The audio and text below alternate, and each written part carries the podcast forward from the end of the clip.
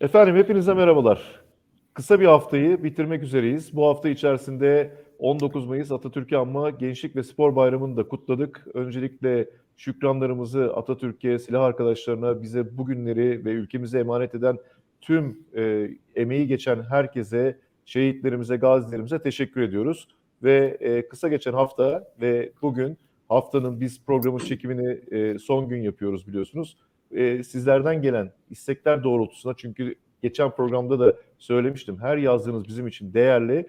Biz bu hafta ihracatçı şirketler fonunu inceleyeceğiz. Fonun detaylarını Serra Hoca bize anlatacak ama neden ihracatçı şirketleri seçtik? Çünkü biliyorsunuz Türkiye'nin e, büyüme dinamikleri aslında temelde iki şeye dayanıyor. Bir tanesi içeride tüketim ve dışarıda da ihracat. İhracat geçen yıl çok iyi gitti. 225 milyar dolarlık bir ihracat gerçekleştirdik.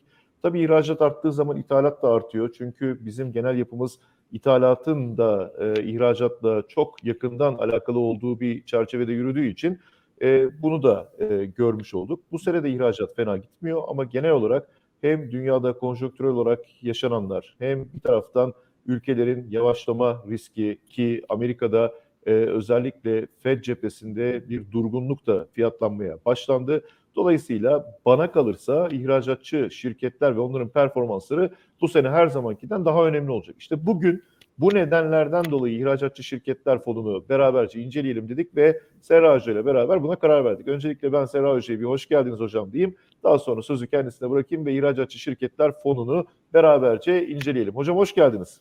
Hoş bulduk hocam. Merhabalar. İzleyicilerimize de iyi seyirler diliyorum. Ee, ve ben hemen ihracatçı şirketlere yatırım yapan sadece tek bir fonumuz olduğunu söyleyerek söze başlamak istiyorum. Ee, tabii bundan sonra e, diğer portföy yönetim şirketlerimizden de e, e, bu tür fonlar gelebilir.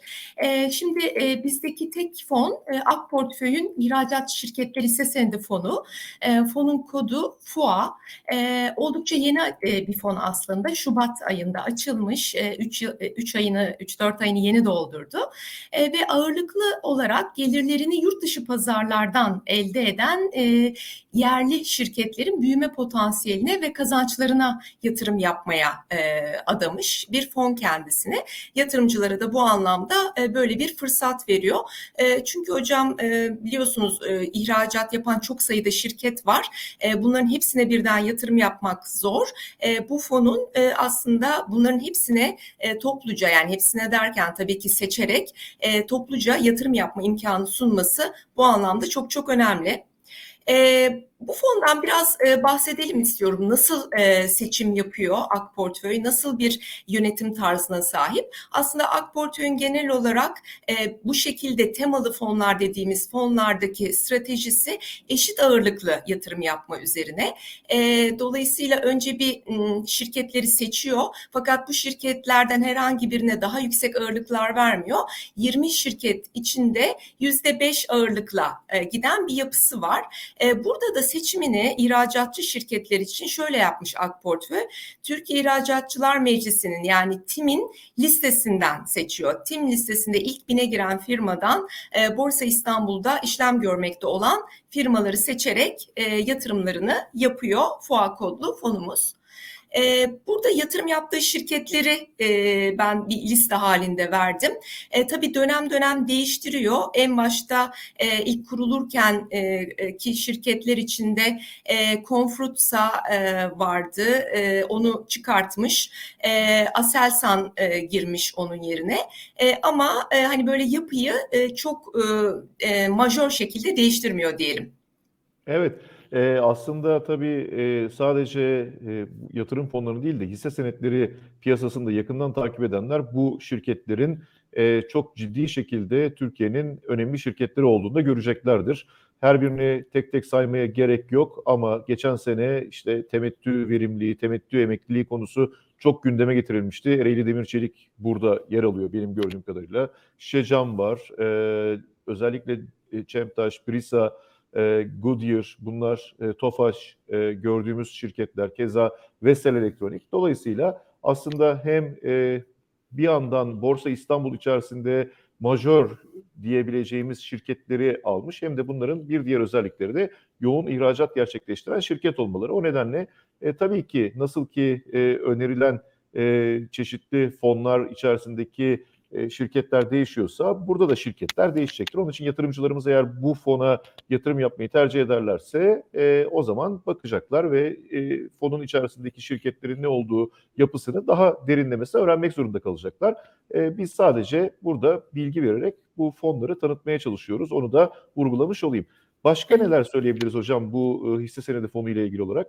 Şöyle yani ihracatla ilgili şöyle bir bilgi verecek olursak şirket şirketlere yatırım yaptığı şirketlerin açıklama kısmı olarak Türkiye'nin 2021 ihracatı 225 milyar dolardı ve burada öncü sektör otomotiv sektörü. Otomotiv sektörün bu ihracat içindeki payı geçen sene yaklaşık yüzde 15 olmuş 29.3 milyar dolar ile. E, FUA'nın burada otomotiv sektöründen bulundurduğu şirketler Otokar, Ford Otosan e, ve Tofaş, Goodyear'ı da belki hani e, bir e, yan e, sanayi olarak düşünebiliriz. Dolayısıyla otomotiv sektöründen, Türkiye'nin e, öncü e, ihracatçı sektöründen e, 3-4 firmaya yer verdiğini görüyoruz. İkinci sektörün e, kimyevi e, maddeler sektörü olduğunu biliyoruz ihracat içerisindeki pay olarak baktığımızda. Onun da payı 2021'de %11.2'ymiş, 18.2 milyar dolarlık bir ihracat e, e, tutarları var ve burada da e, gördüğümüz Petkim e, daha öncesinde Tüpraş'ı da tutuyormuş Fuat. Tüpraş'ı çıkartmış. Şimdi Petkim e, yatırım yaptığı şirketler arasında. Üçüncü sektör olarak da demir çeliği söyleyebiliriz. Demir çeliğin ihracattaki payı da yüzde ona yakın 9.9 e, 22.3 e, milyar dolarlık bir e, değeri var. Burada da demir çelikte Ereğli demir çelik az evvel sizin söylediğiniz gibi Çemtaş'ı söyleyebiliriz. E, dolayısıyla Türkiye'nin öncü ihracat şirketlerine yatırım yapıyor fon. E, fonla ilgili aktarabileceğim e, hani teknik olarak e, neleri bilmeleri gerekir yatırımcılarımızın. Bir kere yeni fon olduğunu söylemiştik. 15 Şubat tarihinde halka arz olmuş. E, Türk lirası cinsinden alıp satabilir yatırımcılarımız bunu. E, yüksek riskli bir fon olduğunu söyleyelim hocam. 7 üzerinden 6 risk değerine sahip. E, bunu hep vurguluyoruz izleyicilerimize. Hep vurguluyoruz. Evet. Yani Evet. bu önemli bir nokta. E, açıkçası bir fonu almadan önce e, sonuçta birçok fon var. Risk değeri en önemli faktörlerden bir tanesi. Onun için bu risk değerini sürekli vurguluyoruz. Doğru e, Evet. hocam. Siz vurgulayınca ben de kendimi tutamadım. Bir daha vurgulamak istedim. evet doğru. Bununla ilgili uyaralım. E, satış valörü iki gün. E, yani sat, satış emri verdikten sonra paranızın hesabınıza geçmesi iki gün, e, iki iş günü alıyor. Bunu söyleyelim. E, yönetim ücreti olarak FUA'ya e, yıllık yüzde 2.90 olarak e, bir e, tutar e, oran koymuşlar daha doğrusu.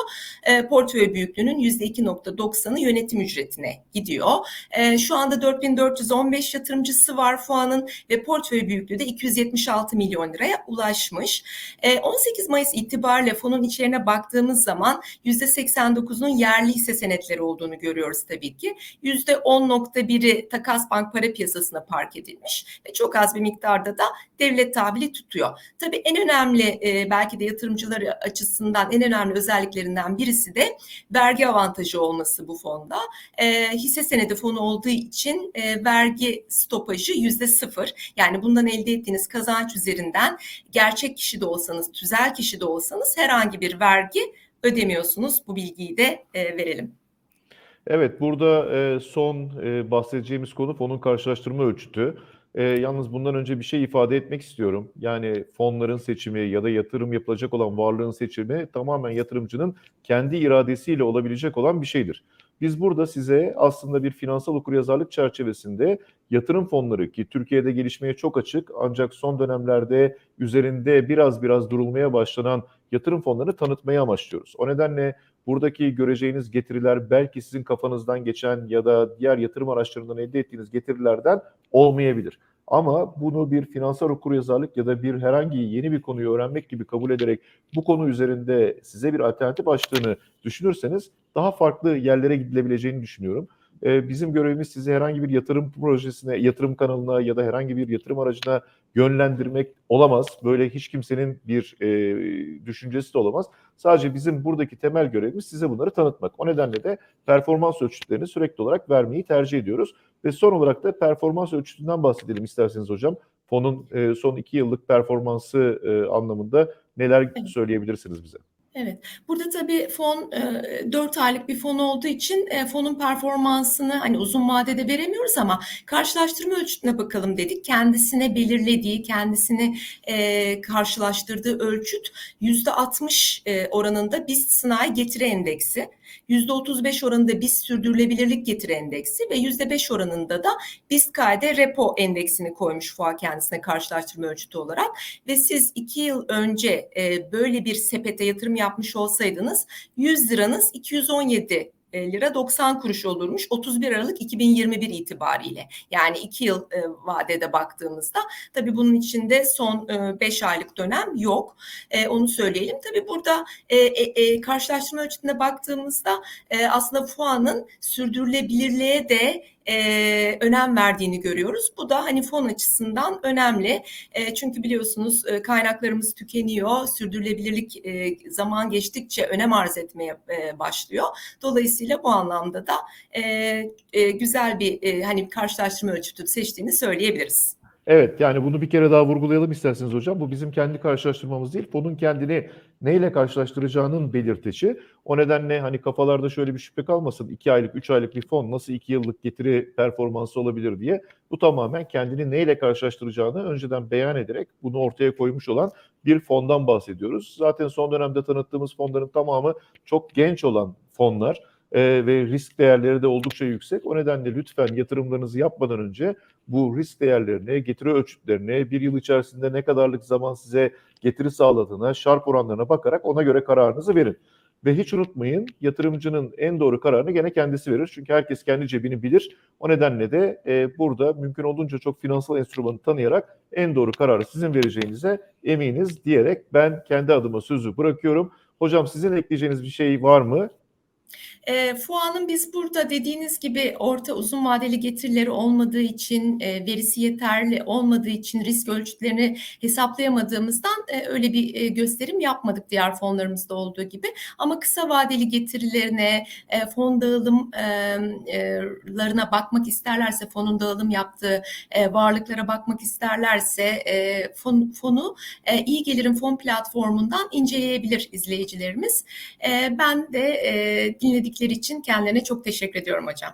Evet, herkese iyi ve güzel bir hafta sonu diliyoruz. Umut ediyoruz yeni hafta tüm güzellikleriyle, güzel bir havayla ve bol ve bereketli kazançlarla bizi karşılar. Hepinize iyi bir hafta sonu diyorum. Hoşçakalın. Hoşçakalın.